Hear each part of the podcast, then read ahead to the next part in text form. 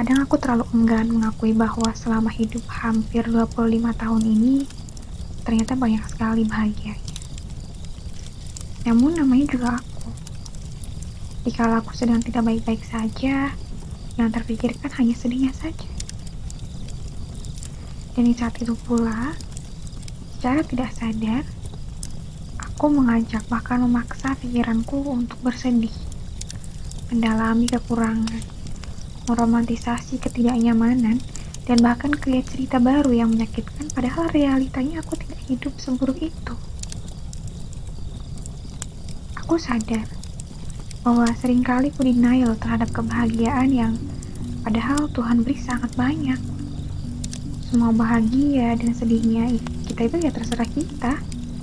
Kita mau senang, berarti kita mengajak pusat pikiran kita untuk mengingat hal-hal bahagia saja. Begitu pun sebaliknya. Pernah dengar hukum ketertarikan? Atau biasa disebut law of attraction? Ini adalah hukum alam yang di mana ketika kita fokuskan pikiran kita ke arah positif, maka secara tidak sadar, semua pusat tubuh kita, terutama otak kita, membantu bersamaan menarik kebahagiaan-kebahagiaan itu.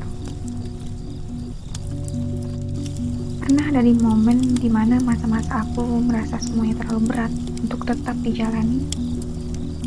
Dan ada suatu momen juga di mana aku ingat kata-kata dari atasan aku di salah satu company sebelum aku bekerja di company aku sekarang.